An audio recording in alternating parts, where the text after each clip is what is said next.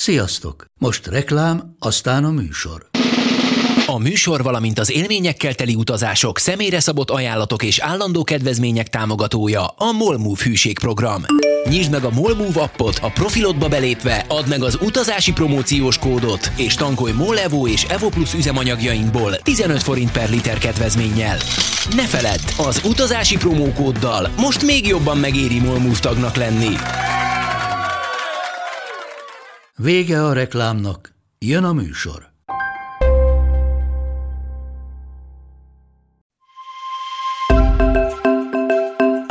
Sziasztok, drága hallgatók, én Mátai András vagyok. Az Utazási Podcast 50. részében egy kicsit nehezebb témát, az afrikai önkénteskedések világát fogjuk feldolgozni. Beszélgető társam Almai Réka, aki három hónapot töltött Kenyában, miközben saját bőrén tapasztalta meg az ilyenfajta karitatív munkák árnyoldalait. Rékának a legnagyobb felismerés mégis hazaérkezése után itthon jött, hogy a legtöbbet azzal segített volna, ha el sem indul. A téma kényes, a probléma összetett, a megoldás pedig nem kézenfekvő, de úgy érzem, hogy megtettünk mindent, hogy a lehető legérthetőbb módon a lehető legátfogóbb képet adjuk. Ezzel kapcsolatban Rékának is van még egy fontos megjegyzése. Amit szerintem így fontos az én történetemből így kiemelni, hogy nekem nagyon bal szerencsém volt. Nagyon sokan, akik így meglátják azt, hogy én így miről szoktam beszélni, meg előadást tartani, így nagyon negatív van állnak ez az egész témához hozzá. Én nem lebeszélni akarok senkit arról, hogy menjen, hanem csak az én sztorimon keresztül viszonylag jól látszik az, hogy még így is tökre lehet bal szerencsésen járni. Kezdjük a legfontosabb kérdéssel, hát a miért el, hogy miért megy valaki önkénteskedni. Ami, ami szerintem így egy gyakoribb verzió, az, ami szerintem így nekem is volt, hogy ez a, ez a segíteni akarok, de hogy így nem tudom, hogy mit csinálok. szóval, hogy így tudom, hogy így nem tudom, tehát az önkénteskedés nekem ilyen cserkész múltam van, így benne volt így a kultúrában, hogy, így, hogy ez egy jó dolog menni segíteni. Van ez a típus, azért ez amúgy egyébként szerintem még a jobbik típus, mert, mert, mert így igazából akkor a kárt úgymond nem csinálsz, hogyha egyébként a szándékaid úgy jók.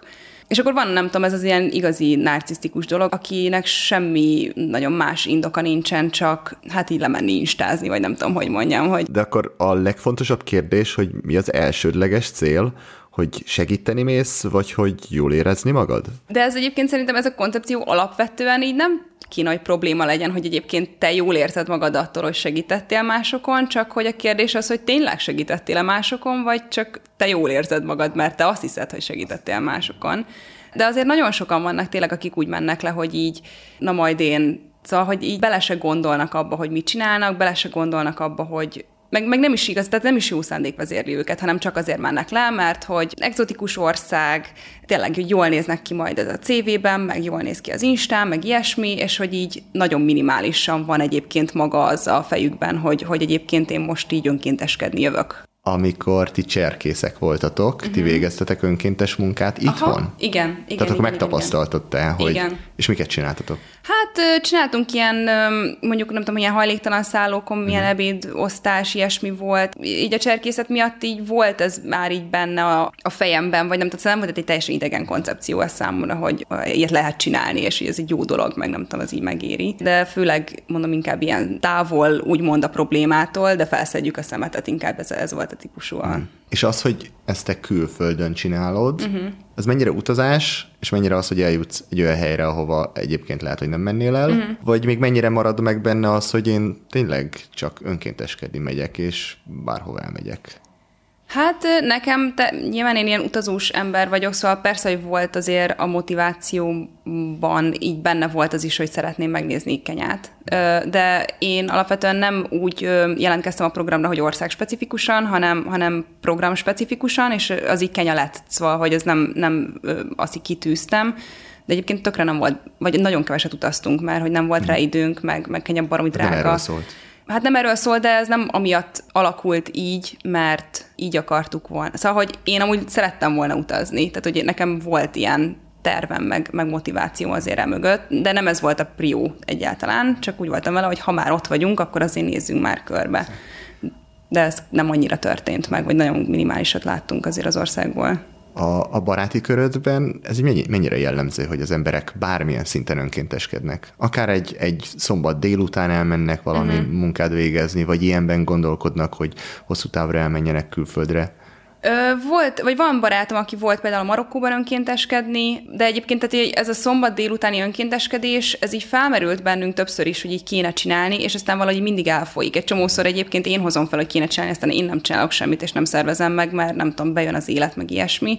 De amúgy főleg az ukrán háború volt az, ami ez így belendítette ezt a beszélgetést így a, a kisbaráti group chatben, és volt is, aki ki is ment, nem tudom, keletibe ott koordinálgatni a dolgokat, meg, meg kaját osztani, meg, meg volt, tehát szóval, hogy, hogy így többen is így voltunk így itt-ott valamennyi minimálisra segíteni, vinni csomagokat, összeállítani csomagokat, ilyesmi de, de sajnos lusták vagyunk egy csomószor, szóval ezt így megint tehát jön fel bennem a gondolat, hogy be kéne írni a group chatba, hogy menni kéne, meg minden ilyesmi, az ember elfelejti, meg úgy nem tudom, nyár van, ez mm. így, meg úgy. Tehát így, amikor az ember a saját életét éli, akkor úgy nehezebb kiszakadni belőle, viszont hogyha te konkrétan erre dedikálsz hosszabb igen. időt, akkor nyilván az könnyebb, mert akkor az csak arról szól. Pontosan, igen. Itthon azért ez így az élet az elviszi ezeket a kis, jó kis motivációkat, sajnos sok mm. esetben. És te, amikor így eszedbe jutott, hogy na akkor elmennék mondjuk konkrétan Kenyában, hmm. akkor mit tudtál a külföldi önkénteskedésekről? Hát abban a pillanatban semmit. De Honnan én... tudtad, hogy van ilyen? Nekem a nagybátyám vezeti a Magyar Önkéntes Küldő Alapítványt, mm. és így is kerültem ennek az egésznek a vonzás körzetébe, hogy én amúgy már így régóta így mondogattam így, nem tudom, barátoknak, családnak, hogy egyébként én nagyon szeretnék egyszer külföldön önkénteskedni, de hogy úgy majd valamikor, vagy nem tudom, szóval ez is sose volt egy nagyon konkrétum. És, és amikor bejöttek ezek az afrikai programok, ez egyébként egy német szervezetnek így a kiírt projektjei voltak, akkor, akkor a nagybátyám szólt, hogy figyú, itt a lehetőség, ha szeretnél menni, akkor most tudsz jelentkezni. Ilyenkor neked már volt bármi elképzelésed arról, hogy esetleg ennek vannak negatív oldalai? Igen, nekem mondjuk annyi ilyen előzetes tudásom volt már, főleg nem tudom, mondjuk kijött ugye az az Index cikk, az kb. nem tudom, az első ilyen magyar publikáció volt, ami az árvaházi önkénteskedésről szólt. Tehát, hogy ilyen jellegű, ilyen minimálisan beszivárgott tudásom volt, hogy igen, tehát a gyerekekkel nem akarok foglalkozni, mert hogy annak nagyon sok árnyoldala van, ez ott az egyik, a másik az építkezés, amiről szintén azért így nem. Szóval, hogy az árvaházi önkénteskedés az, az egy ilyen kvázi, egy ilyen, most így nagyon dióhéjban, de egy ilyen bizniszé nőtte ki magát, főleg Afrikában is, de egyébként Dél-Kelet-Ázsiában, Kambodzsában egyébként nagyon jellemző, hogy ott rájöttek kvázi a helyiek, hogy a fehérek jönnek szívesen így babuskatni a gyerekeket, és hogy ez egy tök jó biznisz és elkezdtek gyerekeket összeszedni, hogy legyen kiket babuskatni. És ezt nem annyira etikus módon csinálják egy általában, hogy nem tudom, sok gyereket elrabolnak konkrétan, és berakják ezekbe az árvaházakba, meg egy csomószor kvázi felvásárolnak ilyen nyomorban élő családokból kisgyerekeket, azt ígérve a szülőknek, hogy egy ilyen jobb életreményében adják be a gyerekek, gyerekeket ezekbe a, a fehéreknek felhúzott árvaházakba. Persze nyilván van, vannak árva gyerekek is, és akkor összegyűjtik a, a gyerkőcöket, és, és ezeket az árvaházakat így nagyon szándékosan olyan nyomor szinten tartják, hogy így a fehérek jöjjenek, és így elszörnyűködjenek, hogy ez és milyen borzalmas, és hogy ez így, igen, pénzt adnak, pénzt küldenek, miután hazajönnek, és, és hogy ezt a kört így fenntartsák, hogy mindig folyamatosan legyen fehér uh, supply, vagy nem tudom, hogy mondjam. Nyilvánvalóan vannak etikusan működő árvaházak, de hogy azért nagy részt ez, a, ez az árvaházi önkénteskedés, mint biznisz, ez, ez így van, ez, ez nagyjából általában így szokott kinézni. Ha az ember egy kicsit belegondol az, hogy és mondjuk van egy szegény kisgyerek, igen. te elmész oda, és mondjuk teszem azt két hétig ott vagy vele, hogy Hát annak milyen egy... érzés, igen. igen. Tehát, hogy kialakul egy... elmész, igen, igen. De te eljössz onnan. Hát igen. A Bori pont, a Vígborinak, igen. igen, ez egy, ez egy nagyon ö, tök jó narratívája volt, amikor én is ugye olvastam a könyvét, és akkor ebbe is ez volt, hogy, hogy bele se gondolt, hogy, hogy ez, ez milyen a gyerekeknek, hogy te amúgy így összmész. Igen. És hogyha már szóba került Vígbori, akkor szerintem az a legjobb, hogy megkérdezem őt személyesen, hogy mesélj el ő, hogy mit tapasztalt és mit gondol erről. Honnan jött neked az ötlet, hogy te egyáltalán ilyenben szeretnél tevékenykedni? Ha igazán őszinte szeretnék lenni magamhoz, akkor akkor nekem kellett egy olyan segítség, hogy mivel tudok kibenni. Tehát nem hit, nem tudtam, akkor annak idején még azért tényleg nem volt arról szó, hogy lehet egyedül utazni.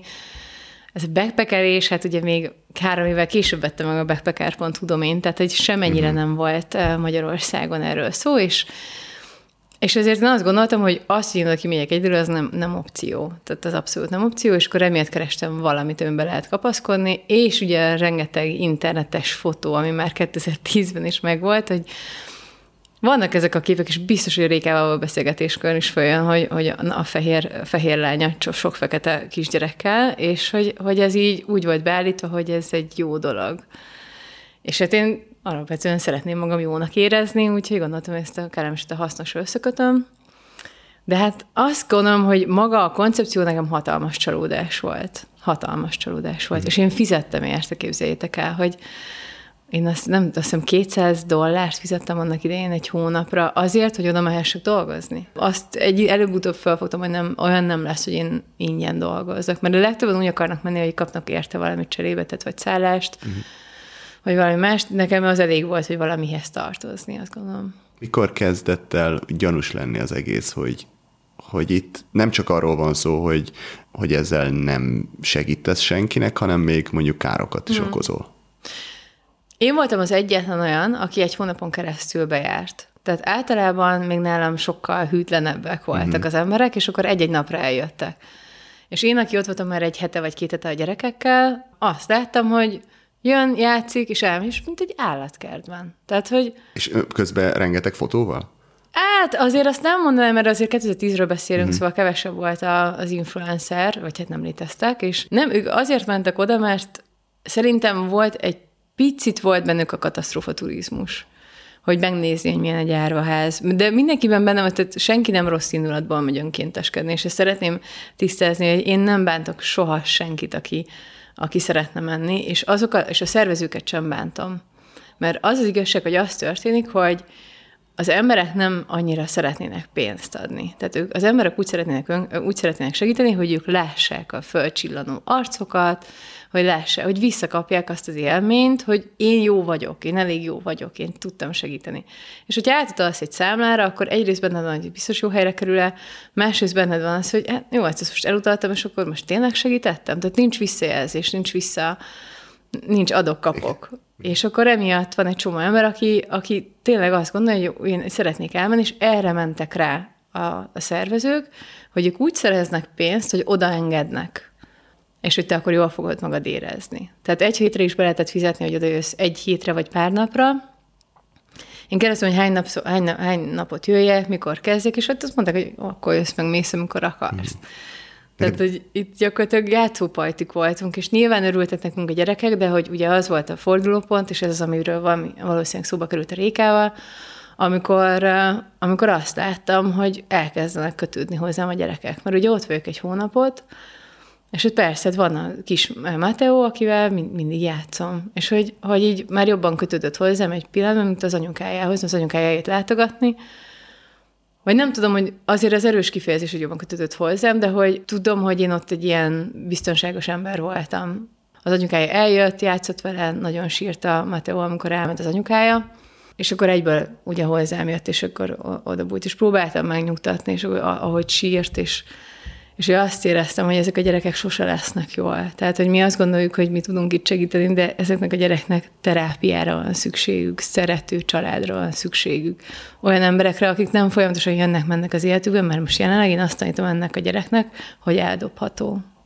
És ez borzasztó élmény volt. Tehát megnyugtattam, és tudtam, hogy három nap múlva ugyanezt fogom el megcsinálni. Kemény. Ja. Kemény. Ura akkor ők nem árvák voltak, csak a szüleik nem tudták eltartani őket, és beadták egy intézetbe? Volt ilyen is, olyan uh-huh. is. Mm, általában ez volt, a, hogy hajléktalanok, uh-huh. meg a drogosok, meg hát ez, uh-huh. ennek a gyereknek az anyukája prostituált volt, és fel volt tetoválva a gyerekeknek a neve, öt gyereknek a neve volt feltetoválva, és a születési dátummal együtt. És nem voltam de biztos, hogy ez nem egy emlékeztető, hogy tudja, hogy mi hogy van, tudod. És tényleg egyáltalán nem tudott kötődni a gyerekhez. Tehát a gyerek azért tényleg nagyon sírt, amikor elment, tehát nyilván kötődött hozzá, de hogy azt éreztem, hogy így oda megy, csinált négy fotót a gyerekről, és eljött. És akkor, és akkor mi, mi maradtunk ott, hogy mi vigasztaljuk meg azt a gyereket, hogy, hogy és ennyi, két éves volt ez a gyerek. Két éves. Uh-huh. És hogy, hogy Mateóval alakult ki neked bármi? Tehát, hogy ő nekik, amikor te oda mentél első nap, akkor bemutattak különböző gyerekeknek, mm. vagy az csinálj, amit akarsz. Csinálj, amit akarsz. Tényleg? Abszolút. Se, felkészítő mondjuk, se, hogy... Se, micsoda, de semmi. hogy se, meg sem nézték, hogy egyáltalán ki vagyok, mi vagyok. Volt egy Még az, hogy ki vagy, hogy... De, hogy is, semmi, semmi nem volt, és fel sem merült bennem egyébként, hogy oda engednek gyerekekhez, úgyhogy fogalmunk sincsen. És ugye voltak pasik is, akiket odaengednek ezekhez a gyerekekhez. Semmi Amivel egy csomó kérdést- Rengeteg kérdést felvet, és egyébként nem mondok semmi rosszat azokról, mert fantasztikus srácok voltak ott, de tényleg, és, a ki, és több kisfiú volt ezen, ebben az ervázban kislány, és akkor a, úgy örültek neki a fiúk, tudod, hogy van kivel focizni, meg megmászták, meg szóval volt ott egy apa, apa um, Kép. Kép, igen, ezt kerestem. Szóval kellettek volna a férfi segítők, de hát akkor meg azért, szóval, hogy ez egész annyira fura, és nem bántam meg, hogy elmentem, de legszívesebben oda fizet, fizettem volna ezt a 200 eurót, és nem megyek oda. Vagy fizetek 400 eurót, és nem megyek oda. És szerinted ezeknek a gyerekeknek, mm, tehát, hogy nyilván az lenne a legjobb, hogyha nekik lenne egy szerető családjuk, uh-huh. ami nincsen. Igen. És ők nem kapnak valamit azáltal, hogy most ezen a, ebben a hónapban te mész, a következő hónapban majd valaki más is kap egy kicsi-kicsi szereteteket. De, igen. Tehát, hogy, hogy ezt is így nagyon nehéz megmondani, nem? Hogy, hogy, hogy, hogy nincs erre egy ilyen exakt válasz, hogy ez jobb vagy rosszabb. Igen. Mert hogy, és igen, az rossz, hogy most megszeret téged, megszok téged, elkezd kötődni, és akkor majd nem jössz. És igen. akkor jön egy másik valaki, tehát azért az így nagyon nehéz ezt így. Mert hogy a, alapból meg akkor nem kap semmi szeretetet. És akkor tőled viszont kap valamit, nem? Meg hogy nincsen apakép, de legalább akkor néha van egy apakép. Vagy ez rossz? Igen. Tehát, hogy, hogy ez, igen, ez egy jó kérdés. Ez egy jó, nem tudom eldönteni, ezt senki nem, nem is tudja lehet, eldönteni. persze. Igen. A, ami szerintem nyilván legjobb, hogyha van egy családja, egy szerető családja, hogyha nincsen, akkor bekerül mondjuk egy, egy pótcsaládhoz, vagy nevelőcsaládhoz. Ha az sincsen, akkor bekerül egy árvaházhoz, de akkor legalább ne váltogassák a felügyelőket. Mhm. És akkor utána jöhetnek a, de hogy ugye nincsen pénzük, és hogy előbb-utóbb elmentek a, az árvaházból azok a felügyelők, én egy évvel később visszatelefonáltam, hogy rájuk kérdezzek, hogy ki hogy van, és senki nem dolgozott ott abból a gárdából, aki akkor dolgozott, amikor én voltam, mert Még nem gond- voltak megfizetve Aha. eléggé. Még a gondozók is cserélődnek. Igen. Tehát, hogy ők teljesen, ő, nekik a ház az egyetlen, ami marad. Mert még a gyerekeket is hozzák viszik. Tehát teljes káosz van az életükben. És a gondozókkal beszélgettél, hogy ők hogy álltak ehhez hozzá, vagy ő nekik is csak egy munka volt? és Nem, kvázi imádták a gyerekeket. Igen, g- zseniálisak voltak. De a legtöbb bár mondjuk 12 éves emlékekről beszélünk, úgyhogy most, hogy mondod, volt, hogy elvertek egy gyereket, vagy kettőt előttem. Oh, uff. És ott akkor mit csinálsz, tudod? Beleállsz egy rendszerbe, úgyhogy... Úgyhogy kvázi vendég vagy, és Igen, igen. És mondjuk úgy verték el, hogy rásúztak a fenekére, ami képzeld el, hogy ez itt Magyarországon nagyon tudjuk, hogy ez egy abúzió, meg bántalmazás, de hogy Amerikában ezzel teljesen okék az emberek, uh-huh. ami rohadtul nem oké. És lehet, hogy akkor ezek szerint Argentinában is az van még, hogy jó, hát rásúztunk egyet-kettőt a gyereknek a fenekére. Csak hát ez az én világomban, az már én ott teljesen meg voltam hűlve, és akkor nem engedték szegény gyereket inni vizet, mert, mert hogy inni az ebéd befejezése után iszunk. És tudod, ez, ezt a ságot, már bocsánat, hogy itt mi, ez szerencsétlen szom, és hát mondja, hogy ágva, ágva. Uh-huh. És akkor nem figyelt oda, én meg egyébként tök másnapos voltam, és én is szomjas voltam, és ott ültem a gyerek mellett, és jó, akkor csempésztem be a gyereknek, hogy izé, amikor nem figyelt oda a nevelő, akkor gyorsan itattam, hogy de hát ezek ennyik. És akkor, na, szóval sok, sok ilyen, mm, nem akarok nagyon rosszakat mondani róluk, mert egyébként meg nagyon sok mindent tesznek a gyerekekért. És belegondolok, ezek a gyerekek most 14 évesek, szóval most van a káosz náluk, az biztos. amikor ott voltál, akkor már realizáltad, hogy ez, ez így nem jó. A végén. A végén? Amikor volt ez az ominózus eset, hogy így a, jött az anyuka a Mateóhoz, és akkor a, a Máté Mateó, és akkor, és akkor az én kezemben nyugodott meg. És hogy így megnyugodott, és nagyon durván sírtam. Szóval ilyen... Durva.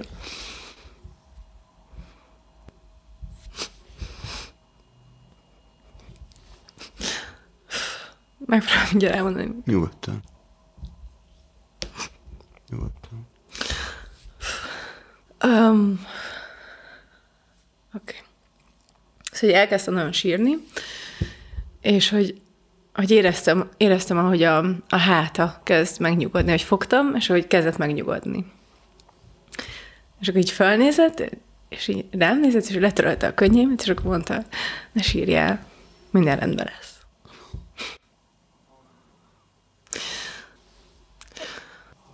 fú, nem tudtam, hogy ez ennyire felkavar még ennyi kultúr után. Csak az, hogy, hogy tudod, hogy tudom, hogy 14 évesek most.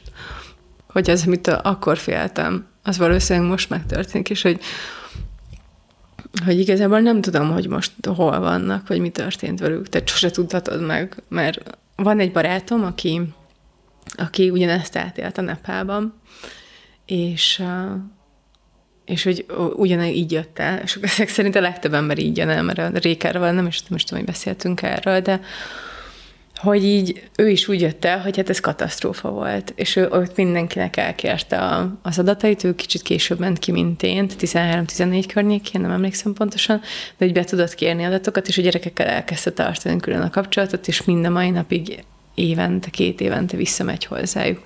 És azt mondta, hogy hát ezt így elcsesztem, hogy idejöttem, megszerettek ezek a gyerekek, úgyhogy most így felelősségem van, és most már visszamegy hozzájuk. És ez nem tök jó egyébként. Uh-huh. Tehát, hogy ő ezt így, szóval valaki erre szállja magát, arra készüljön, hogy... De ez meg egy tök szép dolog, hogy... Abszolút, gyönyörű, és, igen, igen. És legalább jó, nincs ott állandóan, de, de ad nekik valami biztonságot. Hát igen, meg, meg csetelnek. Szóval, hogy uh-huh. folyamatos a kontakt. Szóval ott van egy halom, nem tudom, nepáli kisgyerek, aki itt WhatsAppon írogat neki, hogy most nem tudom, ezzel meg azzal van problémája, és akkor segít. Szóval, hogy ezért szerintem ő így nagyon szuperül csinálja, és példaértékű. Szóval nem, nem, nem a, a, szerintem a módját érdemes megválasztani, hogy, hogy kinek és hogyan segít ez, de árva gyerekekkel, csak akkor, hogyha van rá mondjuk öt éved, hogy végig hosszú távon. Hosszú Nagyon távon, hosszú távon, ja. És azt mondod, hogy akkor mondjuk azzal a célral mész, hogy neked legyen egy, hát egy szinte fogadott gyereket, Igen. akit mondjuk támogatsz Igen. anyagilag, Igen így, akár kapcsolatban maradni, így, és, és, és követed vagy. az életét. Igen. És akkor mondjuk Igen. ezre azt mondod, hogy az, ez neked ér havonta x száz dollárt, Úgy. egyet, Igen. kettőt, Igen. hármat, és akkor kvázi segíted ő neki a, a felnővését mondjuk 18 éves koráig, mert akkor Abszolút. ez is így működhet, nem? Igen. Tehát, hogy igen, szóval először érdemes mindenkiben tisztázni, hogy mi a szándéka, utazni uh-huh. szeretne, vagy segíteni szeretne. Mert segíteni bárhol lehet. Tehát Újpesten is lehet segíteni. Tehát, Igen. hogyha segíteni szeretnél, akkor, akkor segítsél. Ha utazni szeretnél, akkor utazzál. Ha más kultúrákat szeretnél megismerni, erre is rengeteg lehetőség van, hogy hogyan tudod ezt biztonságban megélni. De ne keverd össze ezeket. És feltétlenül ne gondold azt, hogy te vagy a megváltója egy másik eh, nemzetiségű embernek, mert nem te vagy a megváltója, azt tudni. Igen. Jó, köszönöm. Én is.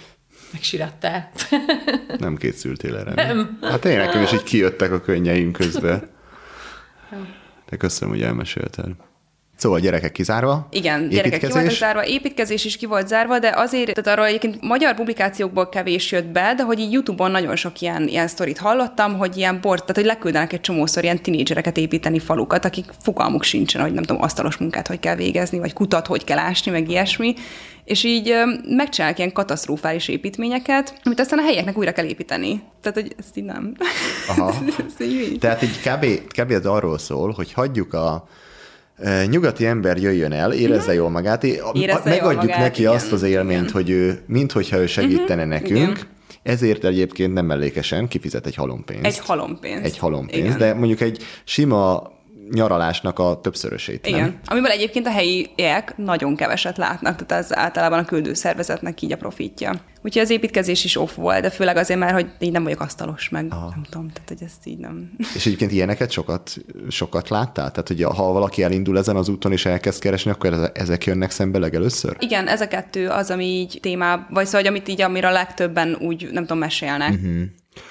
Amit te végül, amire végül te jelentkeztél, és amire kiválasztottak, abban téged mi fogott meg? Igazából nem, nem az, hogy mi fogod meg benne, mert ugye mondtam, hogy, hogy, tehát, hogy kvázi volt X program, amiből én választhattam volna. Azért ez a program volt, ami úgymond megfogott, mert ez volt majd kvázi az egyetlen, ami uh-huh. skillsetben a, a, hozzám passzolt. És én egyébként mérnökként végeztem, meg webdesignerként dolgozom, és ez a projekt, ez pedig ilyesmit ajánlott föl eredetileg, hogy, hogy számítógépes alapismereteket lehet tanítani, illetve ez volt a kisebbik része, így a leírásban, és a nagyobbik része az pedig az volt, hogy mi kiadványokat fogunk szerkeszteni és ehhez megértek, és akkor úgy voltam vele, hogy hát ez, ez stimmel, erre jelentkezem Neked ilyenkor mi jár a fejedben, hogy miért jelentkezel rá, és mi, mi az, amiért azt mondod, hogy igen, megyek? Ha nekem van valamilyen tudásom, amivel valaki másnak az életét potenciálisan jobbá tehetem, akkor nagyon remélem, hogy erre kapok lehetőséget. Akkor emögé még jöttek az ilyen másodlagos motivációk, hogy amúgy de jó lenne Kenyát látni, meg megismerni új embereket, meg, meg megnézni, hogy hogy élnek Kenyában. És ebben a programban akkor azt mondtad, hogy volt egy elég intenzív felkészítés. Igen. Ez egy német program. Igen. Neked ki kellett utaznod Ki kellett Németországba utazni ezért? Németországba. Mhm. Én ezért ö, konkrétan egy kicsit mérges voltam erre az egészre, hogy kötelezően részt kellett venni a, ezeken a felkészítőkön. Most utólag azt mondom, hogy atya, gatya, de jó, hogy kötelező volt ezeken részt venni. De én akkor voltam Ázsiában, és ezért kellett nekem hazajönnöm onnan, mert hogy egy ilyen német hétvégén nekem ott kellett lennem, mert majd, majd jövőre nekem Afrikába az kelleni fog. De egyébként utólag nagyon, nagyon örülök, hogy ott lehettem, mert ezek iszonyatosan hasznos felkészítések voltak. Mik voltak a programnak a paraméterei?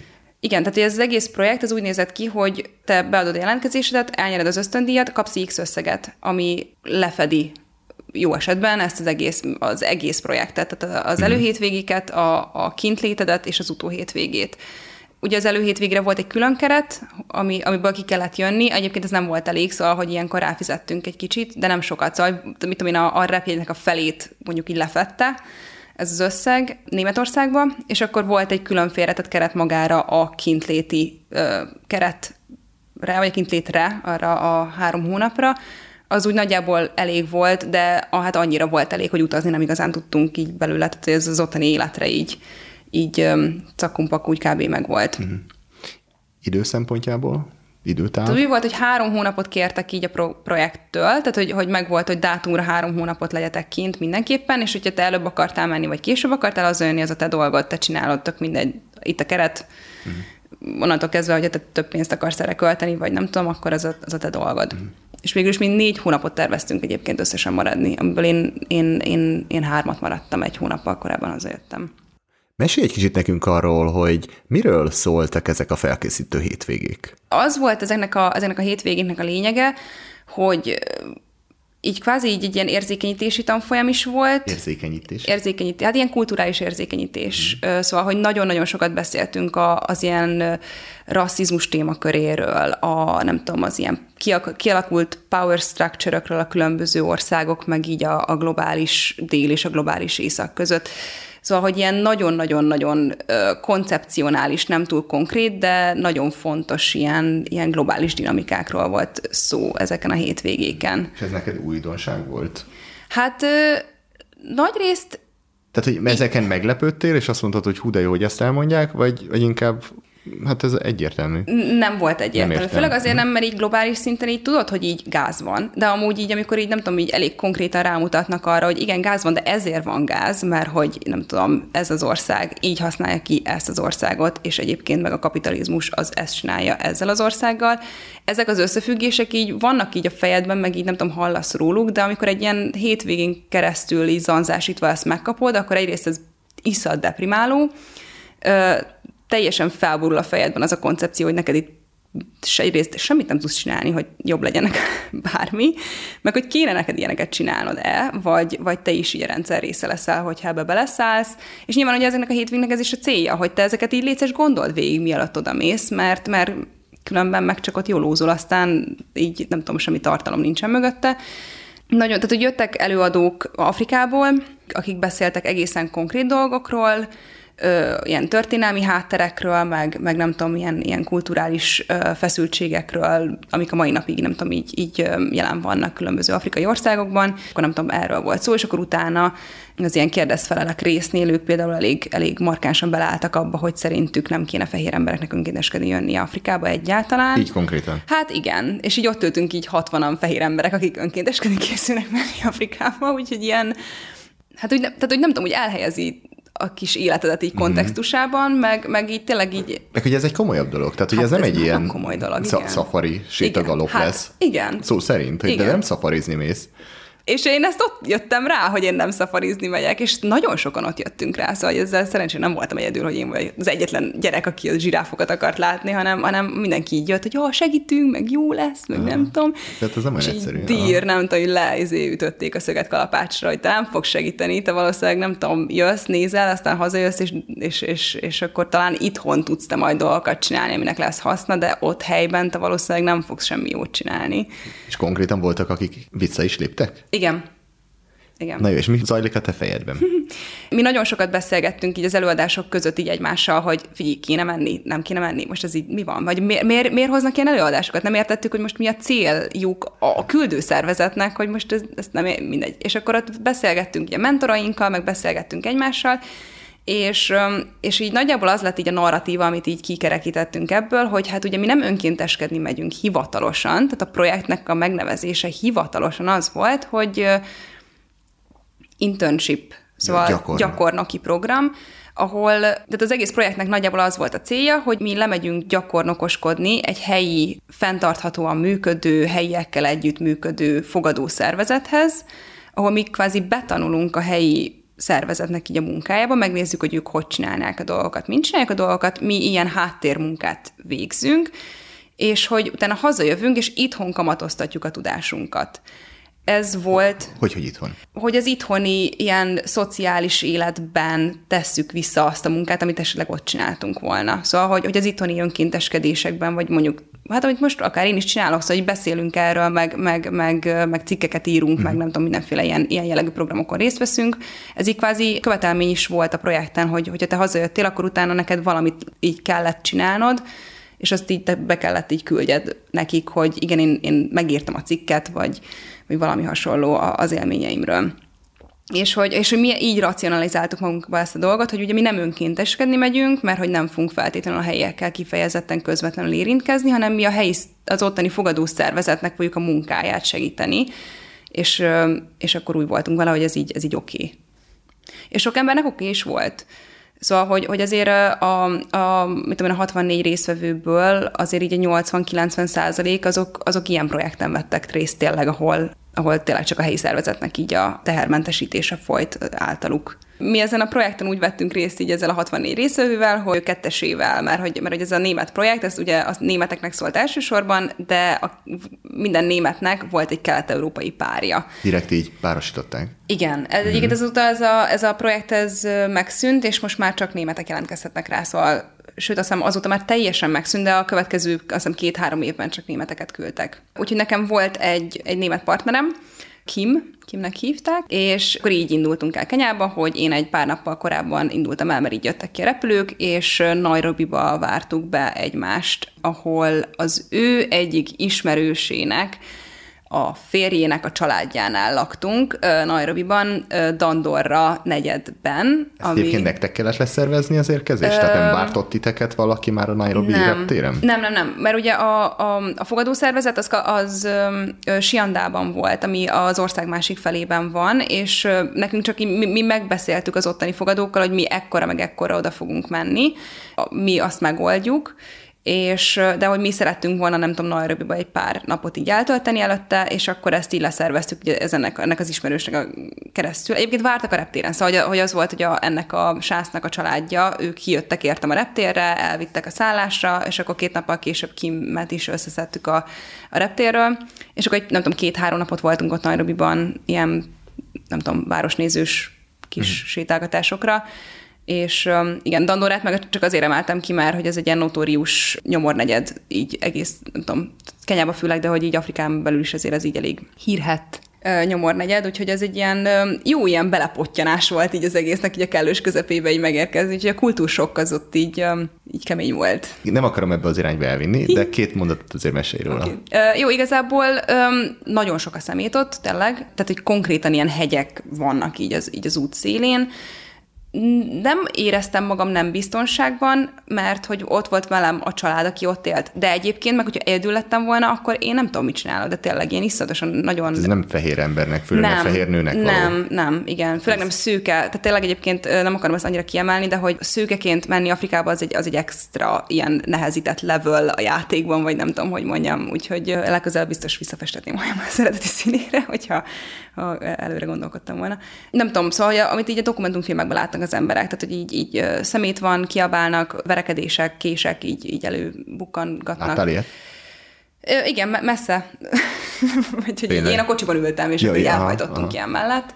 Hol aludtatok? Hát ott a családnak a lakásán. Ami amit, lakás? Hát a lakás, igen, az egy, ez nem tudom, ez nem jó szó nyilván, ilyen, ilyen hullámpala lemezekből összerakott épületben. Egyébként, tehát, hogy egy tégla épület lehetett, de hogy kívülről meg ilyen hullámpalával volt így, nem tudom, álcázva, nem is tudom, mm. olyan furcsa volt.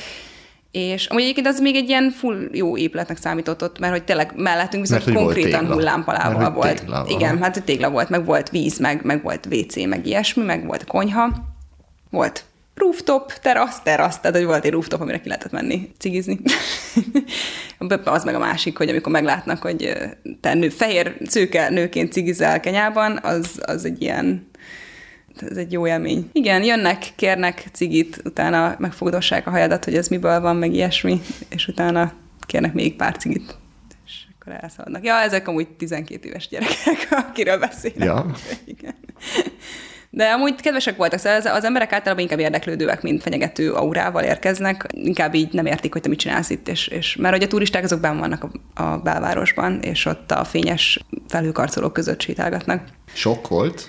Kultúrsok? Ne, olyan szempontból, hogy hogy hát akkor valószínűleg ez lesz a következő három-négy hónapnak a hát az életkörülményei. Igen, a dinamikája, igen.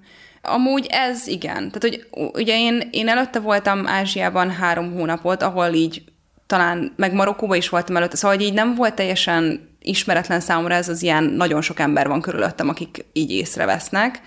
Tehát nem ez, a so, nem ez volt a sokkoló része, hanem pont az, amit te is mondasz, hogy így, így, így megérkezett bennem ez a tudat, hogy ja, hát most így ez lesz négy hónapig, és hogy ezt így valahogy nekem így, így viszonylag hamar így le kell tudnom magamban, hogy, hogy, hogy, hogy, hogy ez lesz így az első két nap, amikor így egy teljesen egyedül voltam, így a családdal, az, az így erről szólt, hogy én ezt így próbáltam így valahogy így helyre tenni magamban, meg megérkezni. És aztán, amikor megérkezett Kim, akkor egy kicsit így könnyebb lett így ketten venni. Ja, mert hogy úgy volt, hogy Kim nem a reptéren találkoztatok, hanem... De igen, csak hogy két a később jött. Ja, aha. Igen. Szóval, ja, hogy te megérkeztél, felvett, hogy téged a család, igen, és akkor, és akkor kimentünk megint. két ja, nappal később. Okay, igen, igen, igen, igen. Így történt. Jó. Ugorjunk át kis fa, falucska? Falucska, Falu, igen. Hogy, hogy hívják a falucskátokat? Sianda. Sianda. De amúgy mi se tudjuk, meg ők se tudják, szóval, ja, hogy... Ez, mert hogy nem is, nincs is ilyen falu hát határ, ilyen, meg Nem, ilyen. határ az nincsen, de hogy így közigazgatásilag sem teljesen tiszták, hogy így pontosan hol vannak a határok, és nekünk úgy volt kiírva a, a projektünk, hogy Siandában lesz, de mi Bungomában laktunk, ami egy picit mellette volt, és mm. utána pedig a, tehát ugye az iroda úgymond, ami, ahol dolgoztunk, az pedig így szerintem pont a határon lehet tök mindegy. Lényeg az, hogy Siandában voltunk, mondjuk azt, ez Kaka még a haha, Igen. tartományban van, az ugandai határhoz nagyon közel, ez a konkrétan az országnak a másik felé. Hát ugye Nairobi az kb. középen van. Megvan az első érkezésetek, amikor találkozol a helyi képviselővel, uh-huh. a helyi irodával, és úgy minden úgy, úgy megtestesül előtted Igen, is. igen, Megvan igen. az igen. első kép? Hát konkrétan, tehát hogy, hogy amikor megérkeztünk, ugye busszal mentünk, és így leszállunk a buszról, és akkor a helyi forma, Josephato, ő így konkrétan, nem is az, hogy nem is hagyták, hogy leszünk a buszról, kb. lerángattak minket a buszról, de ilyen, ilyen kedves értelemben, hogy így felszállt, és így megfutta a kezünket, hogy jó, welcome, welcome, így meg úgy, nem tudom, és így, és így kb. lehúzott minket a buszról, meg így estünk le a buszról és így hello, hello, körbe se néztünk, tuszkolt be minket a kocsiba, és, és vitt minket a szállásunkra, és akkor ott volt az első ilyen, akkor most leülünk, meg nem tudom, hello, amúgy, vagy nem tudom, én vagyok Kim, ő meg Réka, meg nem tudom. Bemutatkoztunk, bemutatott minket ugye annak a családnak, akinél laktunk, és, és akkor leültünk megtárgyalni, hogy akkor most így mi van. Az irodában még akkor el sem mentünk, mert az kicsit így arrébb volt, és elment, és mi másnapra iszonyat betegek lettünk, úgyhogy egy ilyen hetet így feküdtünk, és... Um, Gyomorrontás. Igen, hát persze, igen. Úgyhogy egy, egy hétig így ki, ki lettünk teljesen ütve, és akkor ő közben jött minket így meglátogatni, meghozott, vagy hát kaptunk gyógyszert, meg jött az orvos, meg nem tudom, és akkor ezeken a látogatásokon mi azért így próbáltuk kérdezgetni, hogy egyébként így mizú, meg hogy, hogy mi van az irodában, meg hogy akkor pontosan mit kell csinálnunk, meg ilyesmi. És akkor így az ilyen elejtett dolgokból kezdtünk így rájönni arra, hogy, hogy így itt nem igazán dolgozik senki más rajta kívül ebbe a szervezetbe. Uh-huh. És így álltunk, hogy de hát amúgy nem erről volt szó. Annyi volt neki így a, a végcélja, hogy mi itt érkezzünk meg ide, és akkor neki innentől kezdve így kiszállt így a témából. Úgyhogy ez volt így az első hetünk így a gyomorontással, hogy így kb. realizáltuk, hogy így, itt nekünk kell kitalálni, hogy most itt mit, mit fogunk csinálni. És ugye ez ugye, amit mondtam is, hogy ugye alapvetően ezt a kiadványszerkesztést kellett volna nekünk csinálni. Na ez körülbelül az elején kiderült, hogy ezt felejtsük el, ez nem lesz, mert hogy nincsenek is eszközök, nincs nyomda, meg nincs nyomtató, meg semmi ilyesmi nincsen és hogy Józsefától is nekünk így azt pusolta, hogy jaj, ja, hát ugye, ugye mi jöttünk ugye tanítani ezt a informatikai alapismereteket. És mi meg így néztünk, hogy hát mi jöttünk segíteni, tanítani, tehát hogy mi alapvetően nem mi tanítottunk volna, hanem mi ezt úgy gondoltuk, hogy van egy tanár, akinek segítjük a munkáját. Ja, ja, nincs tanár, tehát hogy nem, és hogy már jelentkezett, nem tudom, hat ember erre az oktatás, meg ilyesmi, és így. Ami egyébként tök jó, nem? Hát amúgy ez tök jó, így amikor így a, nem tudom, a gyomorrontásból, nem tudom, fekszem a kanapén, és így ezt hallgatom, hogy ja, az király, hogy mindjárt öt ember jön, akinek én nekem tanítanom kéne valamit, úgyhogy én nem vagyok tanár ezért így pici stresszes volt. Uh-huh. Tehát, hogy, hogy Joseph szerintem egyébként a motivációi ezek így nagyjából a helyén vannak, csak ő már annyira régóta benne van ebben a korrupt rendszerben, hogy nem igazán ö, lát mondjuk például maga előtt olyan jellegű utat, hogy ez hogy, tehát hogy nem is akar feltétlenül kikerülni ebből, hanem ő csak így tudja, hogy hol vannak a kiskapuk a rendszerben, hogyan akarja elérni azokat a céljait, amit el akar érni, amik egyébként jók. Tehát az, hogy, hogy a közösségnek legyen egy, nem tudom, egy valamilyen önszerveződése, és hogy itt, itt jó dolgokat csináljon. Szerinted az ő neki a célja az nemes, csak a módszerekkel van baj, vagy ő inkább először megtömi a saját zsebét, és ha még marad, akkor abból... Nem, szerintem fordítva. Tehát, hogy, hogy inkább az, hogy így itt ez a cél, amit tök jó, és ebből nekem csúran cseppen is, úgyhogy az, az még, még jobb. jobb. Igen, Aha. igen, igen, igen, igen. Na mert hogy mit csinált ez a Joseph Öm, igen, szóval, hogy alapvetően ő így elég masszívan kihasználta így ezt a, a, a kenyai korrupt rendszert, így a különböző kiskapuink keresztül igyekezett így pénzt szerezni, és ehhez minket felhasznált. Szóval igen, volt ez a sztori, hogy, hogy Joseph Átó elvitt minket egy politikussal, hogy, hogy nem tudom, találkozzunk vele, és, és mi így nem értettük, hogy, hogy miért, de hát így persze miért ne, és, és akkor oda mentünk, beszélgettünk vele, és aztán így, nem tudom, csináltunk egy közös képet, és utána meg így kilettünk kb. tessékelve, de hogy azt még így láttuk, hogy a politikus egy ilyen kis borítékot csúsztat József Átó kezébe, és, és akkor így elköszöntünk. És akkor így nem értettük, hogy mi van, és nem akartuk ott így ezt így rákérdezni, mert hogy úgy voltunk vele, hogy nem tudom, nem ránk tartozik, és aztán este ott a családnál, ahol laktunk, ott azért voltak velünk egy idős srácok, akikkel így nem tudom, jóba lettünk, és, és nekik elmeséltük ezt a sztorit, és ők mondták, hogy hát igen, ugye az van, hogy a, a helyi politikusok így sokkal könnyebben szereznek egyrészt más támogatókat, illetve könnyebben választják meg őket újra a, ugyanabba a pozícióba, hogyha vannak képeik fehér emberekkel se, az semmire velünk, ezért, és mi senkik nem vagyunk. Mondjuk ezért a politikus fizet, Igen. hogyha valaki neki leszállít két fehér embert fotózkodni? Igen. Igen, mert ugye a politikusnak ez ugye azért jó, mert, mert sajnos a kenyai ilyen, nem is tudom, milyen a, egyrészt a, a politikai rendszer is ilyen, meg az adományozási rendszer is ilyen, meg ugye egyáltalán a társadalomban az, hogy te fehéreket ismersz, az egy ilyen nagy dolog.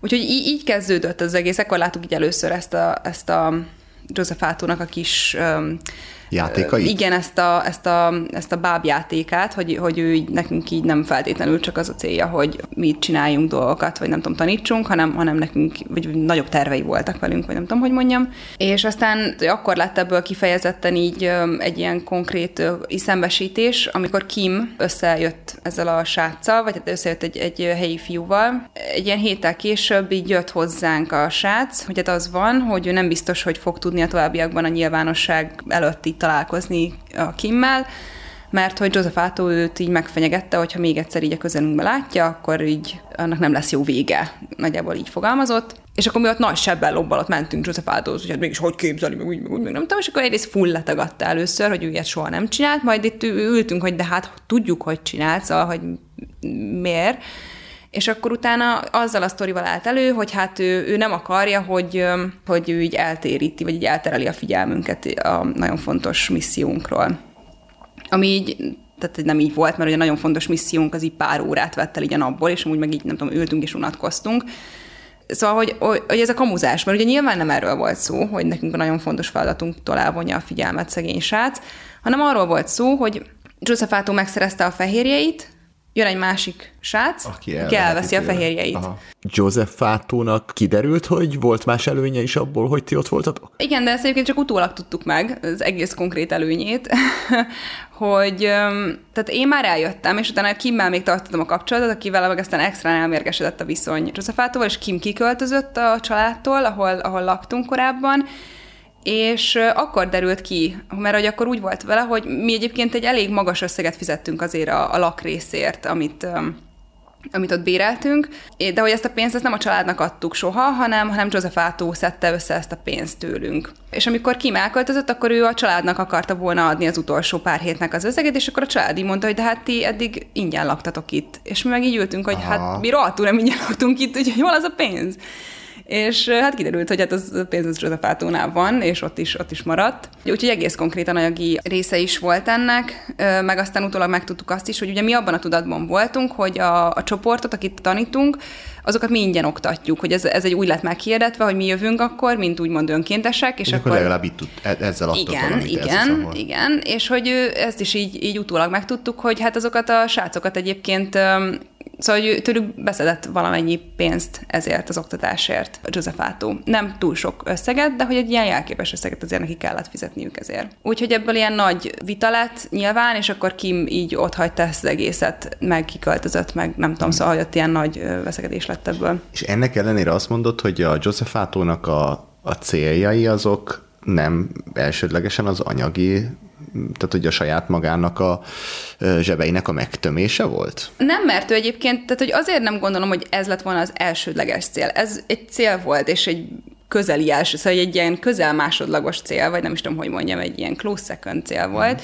De, de azért ő proaktívan szervezte ezeket a dolgokat. Tehát, hogy ő proaktívan keresett embereket, akik jönnek az oktatásra, ő proaktívan keresett lehetőséget arra, hogy vegyen több számítógépet. Ő így benne volt ebből, nem, ő nem dölt hátra abból a szempontból, hogy, hogy, hogy ezt így, á, megvannak a fejérek, megvan a pénz, akkor ennyi, mm. hanem hogy igen, ő ezt akarta csinálni, megcsinálta, szervezte ezeket a projekteket, de hogy sokkal több pénzt szerzett össze annak köszönhetően, hogy mi ott voltunk, mint amennyi ezekhez szükséges volt.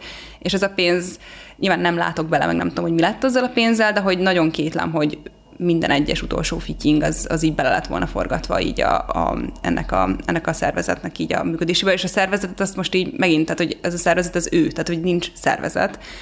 És maga az oktatás szerinted milyen, milyen sikeres volt, uh-huh. mennyit tanultak belőle? Tehát aki oda beült, uh-huh. ő vitt haza valamit ebből? Tehát, hogy neki az életébe ez jelentett bármit? Uh-huh. Hát én nagyon szeretném azt hinni, hogy igen. Uh-huh. Mi alapvetően nagyon, amikor kiderült ez, hogy nekünk itt oktatnunk kell, akkor azért egy picit így megijedtünk már, hogy ugye egyikünk se tanár. És akkor nagyon, tehát Joseph megnyugtatott minket, hogy nem ilyen teljesen alapszintű dolgokról van szó, mert hogy egy csomóan még nem is láttak számítógépet, és azt se tudják, hogy hogy kell bekapcsolni, meg hogy tényleg volt, akiket egér használatra kellett. Tehát ott kellett kezdenünk, hogy így hogy kell mozgatni az egeret, melyik uh, izé klikkelő az így meg mit csinál, meg ilyesmi. És azért, tehát ezt a tudást azért át tudjuk adni valamilyen szinten és aztán pedig maga a, úgy mond, mert, mert ugye azt mondtam is, hogy, hogy úgy nézett ki az egész, hogy délelőttönként volt ez a fix csoportunk, ez az öt srác, akik jöttek mindig, és akkor délutánonként meg tényleg, aki beesett, és akinek valamit tudtunk segíteni, ők voltak általában azok, akiknek az egér kattintásokat mutogattuk. A délelőtti csoport azért ők már így valamennyire, tehát hogy így láttak már operációs rendszert, meg ilyesmi, nekik a, az alapvető Microsoft szoftvereket tanítottuk. És akkor, amikor ezt megtudtuk, hogy erről lesz szó, akkor mi felállítottunk kimmel egy, egy tanrendet, pró, nagyon próbáltunk utána nézni, letöltöttük az összes izé, ilyen Microsoft, nem is tudom, ilyen, ilyen tanterveket, tudod, ilyen, ilyen érettségi jellegű, ilyen felkészítő dolgokat. Olyan és így, hát tökre be voltunk szarva, hogy Ja, de, de ekkor még nem láttátok se a tantermet, meg se a... Semmit. Hogy, aha. Ö, már úgy voltunk vele, hogy, hogy mi felkészültünk, és úgy tűnik, hogy ez elég lesz. Tehát, hogy, Aha. hogy, hogy szerencsére így megnyugodtunk, hogy itt nem egyetemi oktatással kell előrukkolnunk, hanem a mi saját tudásunk szerencsére elég lesz, és hogy amúgy az internet az nagyon varázslatos, nem tudom, tudjátok-e, de hogy, hogy az internet az jó dolog, és hogy ott találtunk egy csomó ilyen, ilyen lebontott óraterveket, hogy így, amit tudom én, hogy kell, nem tudom, a word hogy ilyen, ilyen feladatokat csinálni, olyan feladatokat csinálni. De az volt a szerencse, hogy nekem még a, a gépem, amit vittem, azon még rajta voltak az én öm, érettségi felkészítő feladatsoraim. És így azt vettük kb. alapnak, mert hogy ott konkrét ugye feladatok voltak, és meg voltak a, a tudod, az ilyen minták hozzá, meg ilyesmi, azokat átírtuk angolra, és akkor, és akkor ezeket tudtuk nekik leoktatni. És hát én azt merem remélni, hogy egyébként volt ennek haszna, mert hogy egyébként tartottunk a végén vizsgát, meg ilyesmiket, szóval, hogy mi ellenőriztük a diákjainkat, hogy, hogy tényleg megvolt a kellő tudás, és meg tudták csinálni a vizsgafeladatok. Jó, hát ezeket tényleg ilyen érettségi, tehát hogy egyébként egy középszintű informatika érettségi szintre, kb. szerintem lehoztuk őket, vagy fel, fel, felhoztuk, nem lehoztuk. Úgyhogy, De, úgyhogy de akkor ez, ez siker, tehát igen, ez, igen, ez igen, igen, igen. jó? És hogy egyébként az ilyen szünetekben, mert hogy tényleg sokszor nem volt áram így az irodában, azért az Látok irodát azt, ezt... Zárójel, vagy igen, ez egy, ez egy ilyen, nem is tudom, tehát egy, egy ilyen téglatákolmány, ahol nem tudom, volt egy ilyen terem, vagy egy ilyen, nem is tudom, egy ilyen téglaszoba, majd, majd Helyiség. képeket szerintem majd szolgáltatok hozzá, eh, ahol volt, nem tudom, két fa asztal, ezen volt három darab számítógép, ilyen, tehát ilyen őségi dolgokat kell elképzelni. Négy darab számítógép volt három darab monitorral egész pontosan, amiből kettő működött. Úgyhogy ö, sokat beszélgettünk velük, hogy egyébként nekik ez, ez hova, miért, miért jöttek, miért akarnak tőlünk tanulni, ez mire lesz nekik jó, meg ilyesmi. És ugye egyentetően az volt így a, a visszajelzés, hogy nekik ez baromi fontos, mert, mert ugye nagyon kevesen, főleg az ilyen rurális Afrikában, kevesen értenek a számítógépekhez, és ez egy, egy abszolút eladható skill, és hogy sokkal könnyebben találnak olyan jellegű munkát, ami nem kétkezi és nem földi munka, hanem, hanem valamilyen irodai, vagy bármilyen intellektuális munkát, munkánál ez, ez nagyon sokat számít, hogy ők, hogy ők tudnak alapvető Microsoft szoftvereket kezelni. Úgyhogy így. Jó. Amit eddig meséltünk, azok elég specifikus dolgok, és ha csak ennyi lenne az egésszel a baj, akkor lehet, hogy nem is beszélgetnénk. De mi mégis itt ülünk, és erről a jelenségről beszélgetünk, mert hát az az igazság, hogy te rájöttél, hogy mi a probléma. Egy magasabb szinten, ha túllépünk Joseph Átónak a kis ügyeskedésein, és ami nem mellékesen kihatással van az egész önkénteskedésre, mint karitatív tevékenység. Igen, igen, nem látják a hallgatók, de bólogatok itt nagyban. szóval igen, alapvetően ugye az én történetem azért érdekes, mert hogy nekem inkább így a hazaérkezésem után, és az, hogy így, így ez így örlődött bennem nagyon sokáig, hogy így, így ez, ez, ez valamiért nem volt jó, és nem annyira tudtam így megfogalmazni, hogy de mi, mi, mi nem volt jó, hát végig is megtanulta az öt gyerek a, nem tudom, a szoftvert, meg Igen, én, én is ezt a kérdést Igen. teszem föl folyamatosan, hogy de hát a végén öt gyerek érettségi szinten Igen, megtanult igen, számítógépet igen. kezelni. Igen. Mi a probléma akkor? Hát a probléma az az, hogy pont ez a, ez a rövid táv, meg a hosszú távnak a feloldhatatlan ellentéte. Ellentétje. Mhm. Hogy az önkénteskedés az, az alapvetően egy jó ötlet, meg egy jó dolog rövid távon. Hogy te odamész, és megoldasz valamilyen problémát. Király. De hogy ezzel te hosszú távon tök nagy gondokat okozol a helyi közösségeknek az életében. Mert hogy kialakul bennük egy ilyen függőség, hogy vannak itt dolgok, amiket a fehérek látnak el. Tehát, hogyha nem jön fehér, akkor az a dolog nincsen ellátva. Tehát, hogy van ez a része is, amikor ők egy, egy idő után elkezdenek nem megoldani problémákat a saját közösségükben, mert hogy az a fehérek dolga, de hogy kialakul bennük is egy ilyen kép, hogy ők ezt nem tudják megcsinálni, meg hogy ők ez, ezzel nem kell foglalkozzanak, mert hogy a fehérek ezt jobban tudják, és hogy egy ilyen aláfölé rendeltségi kép az ő fejükben is kialakul, és megerősödik azáltal, hogy mi folyamatosan odajövünk, és, és megcsináljuk helyettük ezeket a dolgokat. És ezt lehet mondjuk olyan szinten is kezelni, hogy konkrét fizető munkát veszünk el, mondjuk például asztalos emberek, meg kőműves emberek elől, akik akarnának dolgozni, de jönnek a fehérek, és ők azok, akiknek megvan mondva, hogy, vagy megvan mondva az egész közösségnek, hogy nem, a kutat a fehérek építik föl, te nem építhetsz föl, mert ez a fehéreknek a dolga, mert ők már fizettek azért, hogy jöhessenek és felépíthessék szarul egyébként a kutat. De hogy van ennek egy ilyen intellektuálisabb, vagy egy, egy ilyen magasabb szintű, nem is tudom, Megközelítése? igen, amikor a lehetőséget vesszük el az emberektől, hogy a saját közösségükön fejlesztenek. És ugye ez az empowerment szó, hogyha valami az, az, az önkénteskedésben valamilyen szinten részt vesz, ő biztosan fog találkozni ezzel az empowerment szóval. Ez nagyjából annyit tesz, hogy valakinek megadjuk a lehetőséget arra, hogy fejlődjön. Nem is az, hogy mi kifejlesztjük, hanem hogy egy ilyen kvázi fészket raksz neki, hogy itt a fészek, rak bele tojást.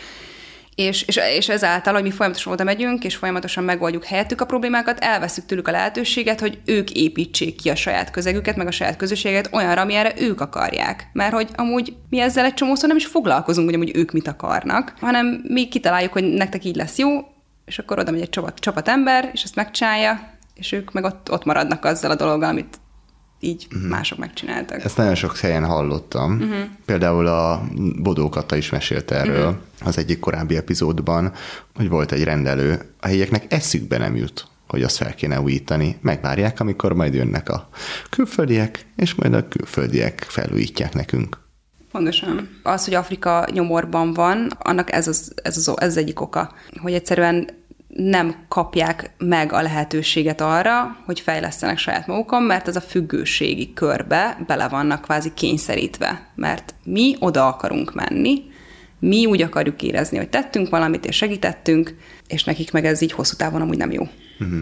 Ez egyébként nagyon összetett dolog, meg most így próbáljuk elmondani, de ugye a hallgatók remélem érzik, hogy azért ez egy nagyon komplex téma, mert hogy például egy, egy olyan egyszerű kérdés, hogy mi lenne, hogyha a nyugatiak nem járnának oda, fehér ember nem járna oda mondjuk felújítani rendelőt, vagy kutatásni, uh-huh. akkor a helyiek vagy soha nem építenének maguknak kutat, vagy mondjuk eljutnának oda, hogy na, egyszer csak majd megépítem. De hogy ezek nem derülnek ki, mert hogy nem adunk rá lehetőséget. Nem adunk rá lehetőséget. Igen. De lehet, hogy ha adnánk, lehet, hogy akkor se történne. Tehát ez, ez így nem derül ki. De hanem igen, ezt, egyszerűen... nem lehet, ezt nem lehet tudni. Ezt igen. nem lehet tudni. Tehát, hogy... igen. igen, szóval hogy persze ezt így konkretizálva nem, nem tudjuk lebontani, hogy valójában, vagy valóban mi történhetne, hogyha így egy, egyik napra másikra az összes fehér ember kivonulna Afrikából. De tehát, hogy nekem nagyon sok tapasztalatom van, vagy nagyon sokszor találkoztam azzal, hogy fiatal, proaktív afrikai emberek szeretnének segíteni, szeretnének valamit a közösségükbe kialakítani, ami pozitív lehet, valamilyen programot csinálni, valamilyen projektet elkezdeni, és hogy nem kapnak rá um, fundingot, anyagi támogatást. Támogatást. Támogatást, igen. mert hogy a, a fehér projektek kapják ezeket a támogatásokat. Mm. És hogy, hogy még ilyen szinten is elveszük így a helyiek elől a, a lehetőséget. Pedig ez milyen fontos lenne, nem? Igen. Hogyha egy helyi, helyi kezdeményezés, ők tudják, ők ismerik, adjunk hát ők nekik ismerik, pénzt, igen, hogy ők tudják, hogy egyáltalán mi lenne jó a közösség, jobban tudják, mint mi valószínűleg. De ugye itt bonyolódik, és itt van benne egy megint egy csavar, mm-hmm. hogy az ember, hogyha én elmegyek, akkor azért adok pénzt, hogy én oda mehessek, Igen. és én is akarok, benne akarok lenni, én akarom megépíteni. Igen. Hogyha valaki azt mondja, hogy mondjuk fizessél X-et, hogy elmenj, de egyébként adod a csak a harmadik szet, de Igen. akkor csak adod a pénzt, Igen. és majd ők megcsinálják. Igen. Igen. Akkor miért nem mondjuk azt, hogy tessék, odaadom az egyharmadát? Tehát ez egy nagyon összetett, meg nagyon bonyolult kérdés. Nagyon, és igazából itt, tehát hogy amit ilyenkor baromira fontos, nem tudom, így, így meggondolni, hát van ez a, ez a fehér megváltó, megváltói komplexus témaköre, ami nagyjából ugye annyit tesz, hogy a fehér ember a saját fontosságának a hamis tudatában a legjobb szándékkal, oda megy, hogy ő most ott megmenti az embereket. És, de hogy nagyon sokszor, vagy a legtöbb esetben az erőfeszítéseik azok kikerülik az olyan jellegű témákat, mint mondjuk az erőforrás hiánya, vagy az infrastruktúra hiánya. Szóval, hogy így teljesen tudattalanul oda mennek és megint a saját fontosságuk hamis tudatában. Szóval, hogy, hogy ez egy nagyon, tehát az önkénteskedésnek az egész témaköre, az egy ilyen iszonyatosan egófeszegető témakör. Hogy neked belátni azt, hogy a legjobb, amit tehetsz valószínűleg az az, hogy nem mész oda, és hogy kimaradsz valamiből, ne adj Isten. Ez egy nagyon nehezen lenyelhető ego dolog, főleg nekünk fehér embereknek, ahol az ilyen, nem tudom, én központú kultúránkban, és folyamatosan arról van szó, hogy mi mekkora királyok vagyunk, és hogy nyomni kell, meg nem tudom. Ezt nagyon nehéz lenyelni, hogy egyébként te nem vagy akkor a király, és hogy azzal csinálod a legjobb, legtöbb jót, hogy távol maradsz a problémától ezt az emberek nem akarják hallani, és nagyon sokan, még hogyha az arcukba vannak tolva, akkor is úgy vannak vele, hogy de majd én meg, de én majd én fogom jól csinálni, és, és, és, és hát ez, ez bukó. szóval ez, nem, nem. Nehéz elfogadni ezt. Majd mi, mi jobban tudjuk, hogy nektek mire van szükségetek. Igen. És nem tudom, ahogy mesélted, így nem ugrott be konkrétan, de így, így minthogyha beugrott volna egy emlék, valami ilyen, ilyen kabaréfilm, vagy, vagy valami bohózat, vagy nem tudom hol. Ugyanez a szitu, hogy elmennek a fehérek, megépítenek valamit, mondjuk egy hűtőházat, uh-huh. tessék, itt van, elmennek a fehérek, és ja, de hát nincs áram. Ja, ja, igen, igen. És tök jó, mindenki örül neki, átadtuk, megvan a davatás. Igen. Igen, de nekünk nem hűtőházra lett volna szükségünk, hanem Ja, ja, generátorra. ja, ja, igen. igen. Hát ugye ezek a fizetős projektek főleg, amik főleg az ilyen építkezősök, azok ö, szerintem nem is annyira akarnak ebből így köntörfalazni, hogy ez amúgy így az önkéntesekről szól. Tehát, hogy ez az arról szól, hogy neked jó legyen, meg neked így jó érzés legyen. És hát ez nem. Alapvetően nem ennek kéne lenni a fő célnak. De ugye ez azért is baromi nehéz, mert hogy ugye, tehát én is itt okoskodom, meg nem tudom, de ugye kvázi én is része vagyok a problémának, mert nálunk is ugye ez volt, hogy, hogy így a felkészítő hétvégéken kb. az arcunkba lett tolva, hogy amúgy ne, ne menj oda, ne, tehát hogy nem kell, nem maradj nyugodtan itthon, csináld itthon a dolgodat, de az embernek az egója ezt itt tök nehezen fogadja be, és mi is elkezdtünk ugye racionalizálni, hogy de, de mi nem, mi, mi máshogy, mi, mi, mi jól fogjuk csinálni, és hogy így meg úgy. A, a küldőcéggel, uh-huh. Amikor kezdtek ezek a dolgok kiderülni, Igen. akár közben, vagy akár utólag, gondolom a cég elvárt tőletek bármiféle visszajelzést, vagy, igen, vagy igen, igen, igen, kommunikációt. igen. Korrektek voltak a németek abszolút. Azt mondták, hogy viszont amikor először elkezdtek ezek így kijönni, hogy amúgy itt nem azt fogjuk csinálni, amiről eredetileg szó volt, akkor rögtön mondták, hogy fú, ez tök gáz, és hogy nagyon sajnálják, mert hogy alapvetően ez a rendszer ez úgy néz ki, hogy vannak ezek a partnercégek, az afrikai fogadószervezetek tulajdonképpen, és nagyon sokkal már régóta, évek óta bejáratott kapcsolat van, ami jól működik, és általában nyilván, aki ezekre a projektekre kerül, azok, azok tényleg azt fogják csinálni, ami le volt írva a projektbe. De minden évben van, nem tudom, kettő, három, négy új, új fogadószervezet, új projekt, amiről nincsen korábbi tapasztalat. És ezek ilyen zsákba macska dolgok tudnak lenni, és hát pont én is egy ilyet kaptam, hm-hm. és hogy hát ők szóval elnézést kértek, ez, ez, erre akarom kihozni, hogy na, nekik is ez egy kellemetlen szituáció volt, hogy nem tudták előre, és hogy nagyon sajnálják. És hát így mondták, hogy figyelj, három dolog van, vagy három dolgot tudtok csinálni. Hazajöttök, egy, maradsz, és lenyeled. Lenyeled a Kettő. békát. Igen.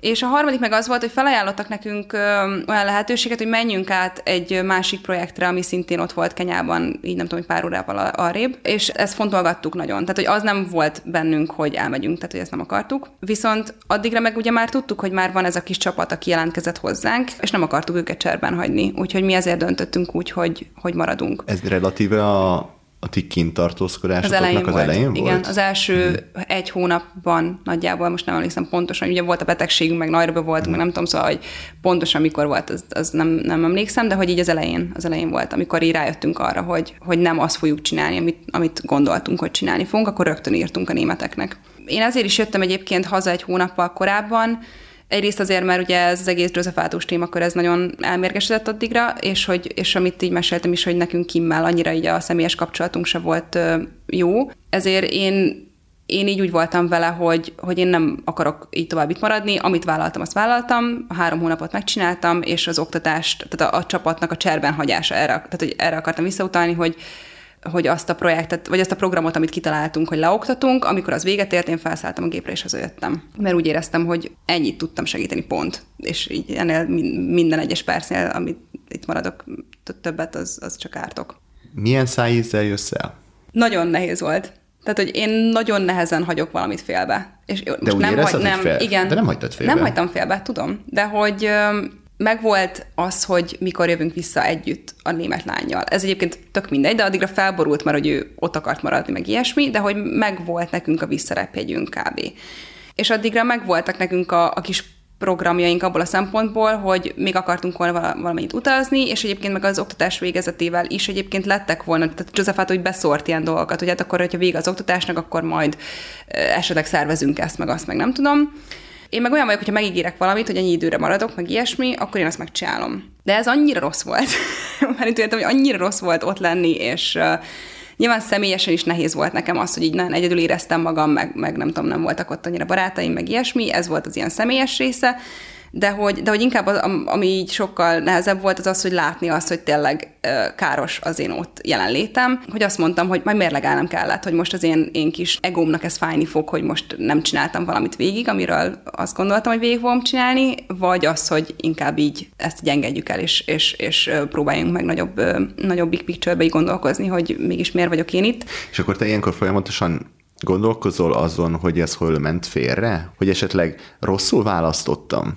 Hogy csak bal szerencsés mm-hmm. voltam? Közben beszélgetsz más résztvevőkkel, hogy nálatok mi a helyzet? Mm-hmm. Gondolom én. Igen, ez egész pontosan úgy nézett ki, hogy ott és akkor nem gondolkoztam ilyeneken, ott csak egy ilyen általános érzésem volt, hogy ez így nem jó, el akarok jönni. Nem tudom, hogy miért, de hogy így, akkor így nem volt, ez nem állt össze a sztori még a fejemben.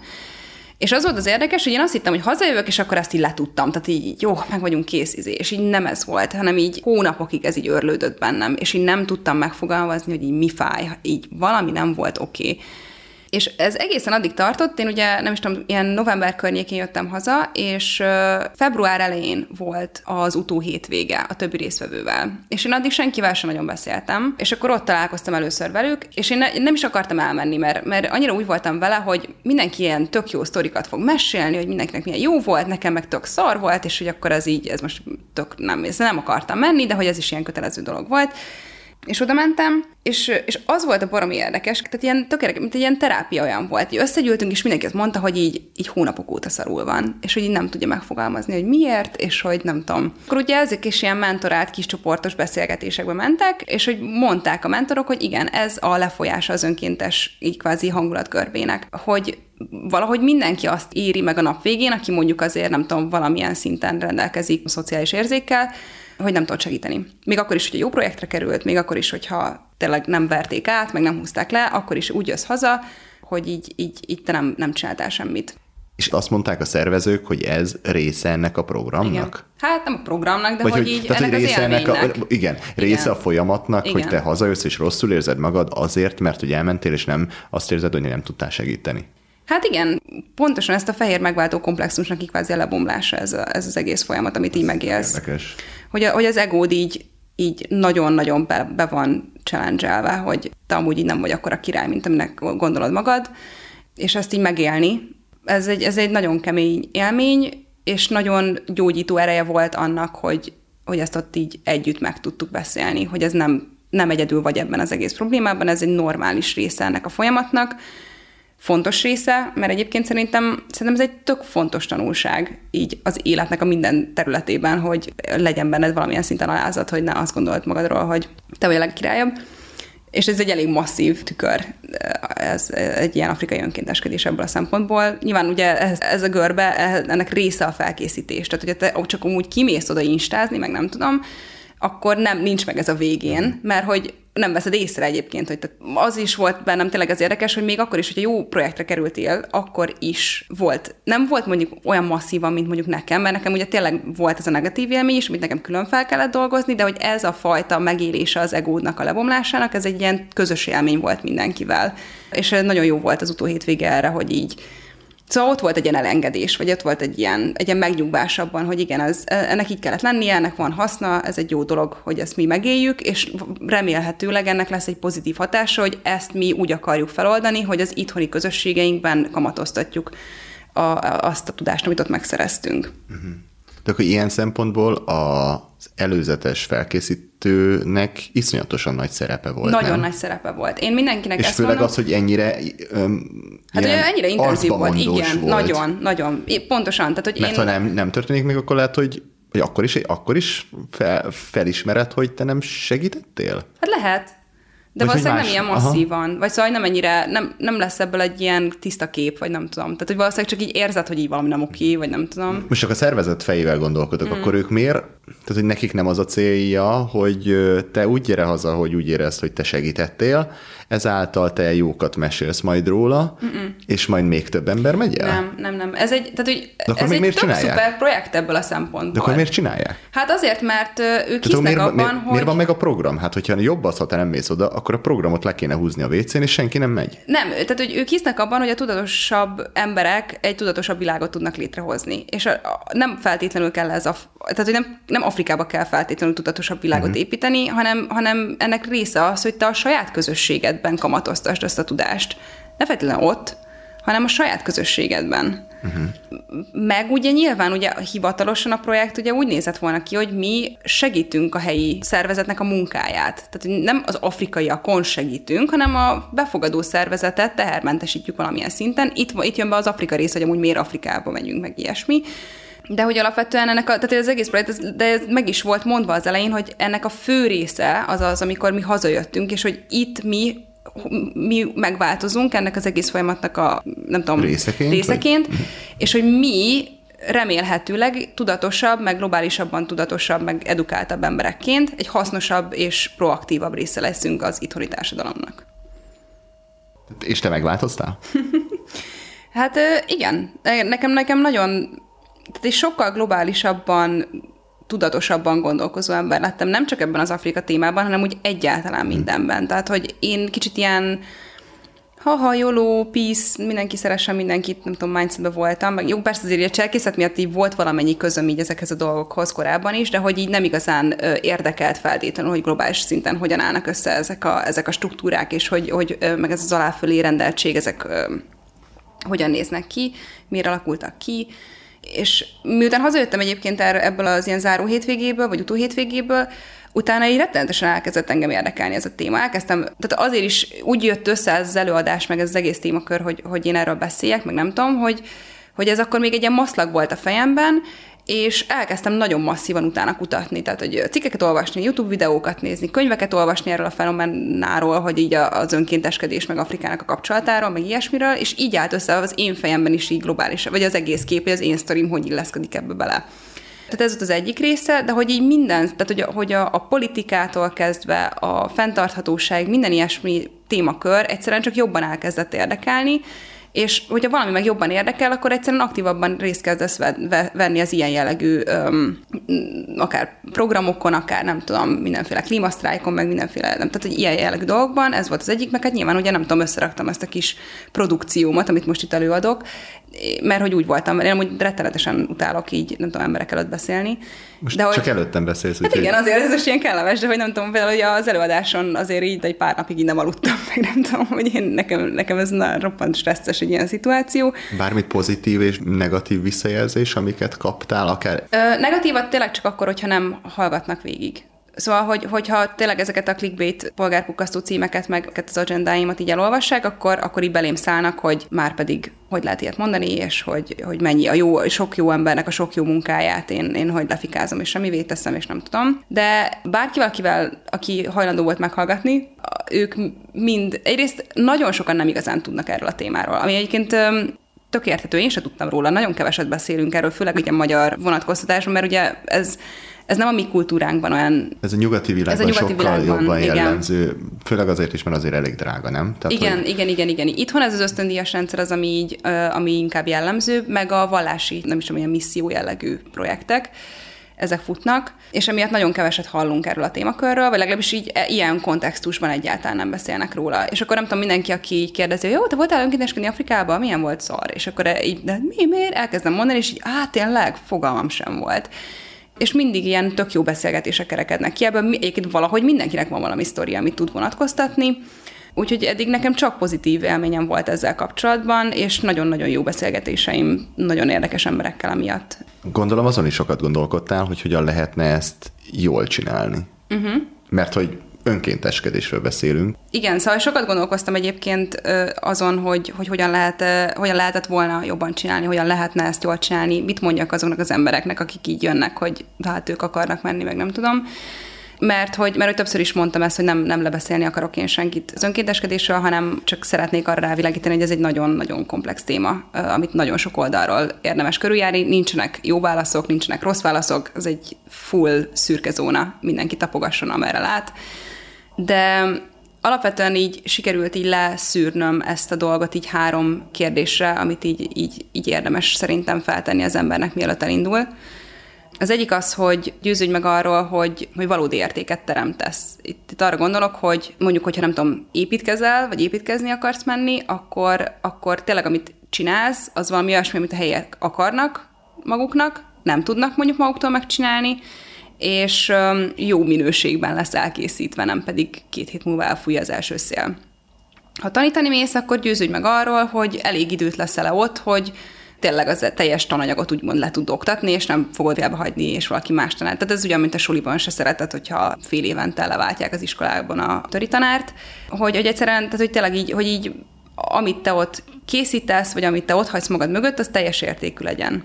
A második ilyen tanács az az, hogy azt tett fel magadban azt a kérdést, hogy biztosan én vagyok-e a legjobb ember erre a munkára. Igen, életedben nem Igen. húztál fel még, ne, nem is egy falat, hanem Igen. még egy kezedben nem volt egy malteros bedör, akkor lehet, hogy nem te vagy. Igen, valószínűleg akkor Ne nem. azért menj oda, hogy akkor láss először tégla. Igen, pontosan ez, hogy így az, azt tett fel magadban, hogy egyébként, hogyha ezt otthon nem csinálod ezt a munkát, akkor biztos, hogy külföldön akarod először csinálni, szóval, hogy tényleg, főleg az én építkezéseknél, de egyébként az oktatásnál is. Tehát, hogy értem, hogy te tanít, vagy szóval, hogy, hogy nem tudom, értesz valamihez, de hogy alapvetően az oktatás, mint, mint az edukáció, az egy szakma és ahhoz érteni kell. És persze vannak szintek, meg nem tudom, de hogy, de hogy ezt is így azért érdemes végig gondolni, hogy megvan-e a megfelelő képesítésed és, és hozzáértésed ahhoz, hogy azt a, azt a munkát azt te ellásd. És igazából a harmadik az, ami az ilyen leg, így az egódat birizgáló, ami, ami nagyjából úgy lett megfogalmazva, hogy, hogy akkor is mennél le, hogyha nem vihetnél fényképezőgépet és nyilván erre így az, arra próbálok rávilágítani, hogy egy a motivációidat ezt íragd rendbe, hogy, hogy, hogy tuti, hogy azért mész mert tényleg segíteni akarsz, vagy, vagy azért így, nem tudom, bizonyítani akarsz magadnak valamit, vagy bizonyítani akarsz másoknak valamit, vagy csak, hát nyilván a legrosszabb az, hogyha a CV-d meg a Instád miatt mész le, ezt, ezt reméljük, hogy nem így van, de hogy, de hogy nagyon komolyan néz magadba, és, és válaszold meg azt a kérdést, hogy, hogy miért, miért mész. Amivel kezdtük? Igen. Hogy a miért. Így van. Hogy miért? Milyen kerek, szép történet. Elsősorban köszönet Rékának és Borinak, hogy megosztották velünk tapasztalataikat. Felétek pedig remélem, hogy sikerült a problémát a megfelelő módon bemutatni. Célunk, ahogy Bori és Réka is elmondta, nem az, hogy lebeszéljünk mindenkit, inkább csak az, hogy ha valaki ilyesmiben gondolkodik, akkor járjon utána és csinálja jól. Ha tetszett, amit hallottál, ne tartsd magadban, és hozd meg minél több barátoddal, ismerősöddel. Tapasztalataim szerint ez a legjobb módja annak, hogy terjedjen a podcast jó híre. Ha valakinek pedig még ismeretlen a műfaj, segíts neki abban, hogy mik a podcast hallgatás előnyei, és hogy hogyan, milyen formában tud ebbe a világba bekapcsolódni. Ha új vagy itt, ne felejts el feliratkozni, mert hogy jön a folytatás. Sőt, ajánlom, hogy hallgass bele a régebbi epizódokba is, mert a beszélgetések kortalanok, és bármikor, bárhol meghallgathatóak. Extra tartalomért gyere a podcast Facebook csoportjába, vagy Patreonra. Linkeket megtalálod a leírásban. A végére pedig nem maradt más hátra, mint hogy elköszönjek. Engem Mátai Andrásnak hívnak. Sziasztok! Ha más podcastekre is kíváncsi vagy, hallgassd meg a Béton műsor ajánlóját. El tudod képzelni, hogy a podcastet, amit éppen most hallgattál, fél év múlva már a mesterséges intelligencia generálja? Mi sem. De ha érdekel, eljötte már a gépek lázadása. Hallgass bele az Embertelen podcastbe. Orsós Lajos vagyok, a műsor házigazdája. Egyelőre még élőben. Egyelőre. Fedezzük fel együtt, hogyan ismerkedik, randizik, mesél és vitatkozik Betty és Péter, két teljesen mesterséges intelligencia. Lajos, a podcast címét mond még egyszer, Léci. Oké. Okay. Embertelen podcast. Ez a műsor a Béton közösség tagja.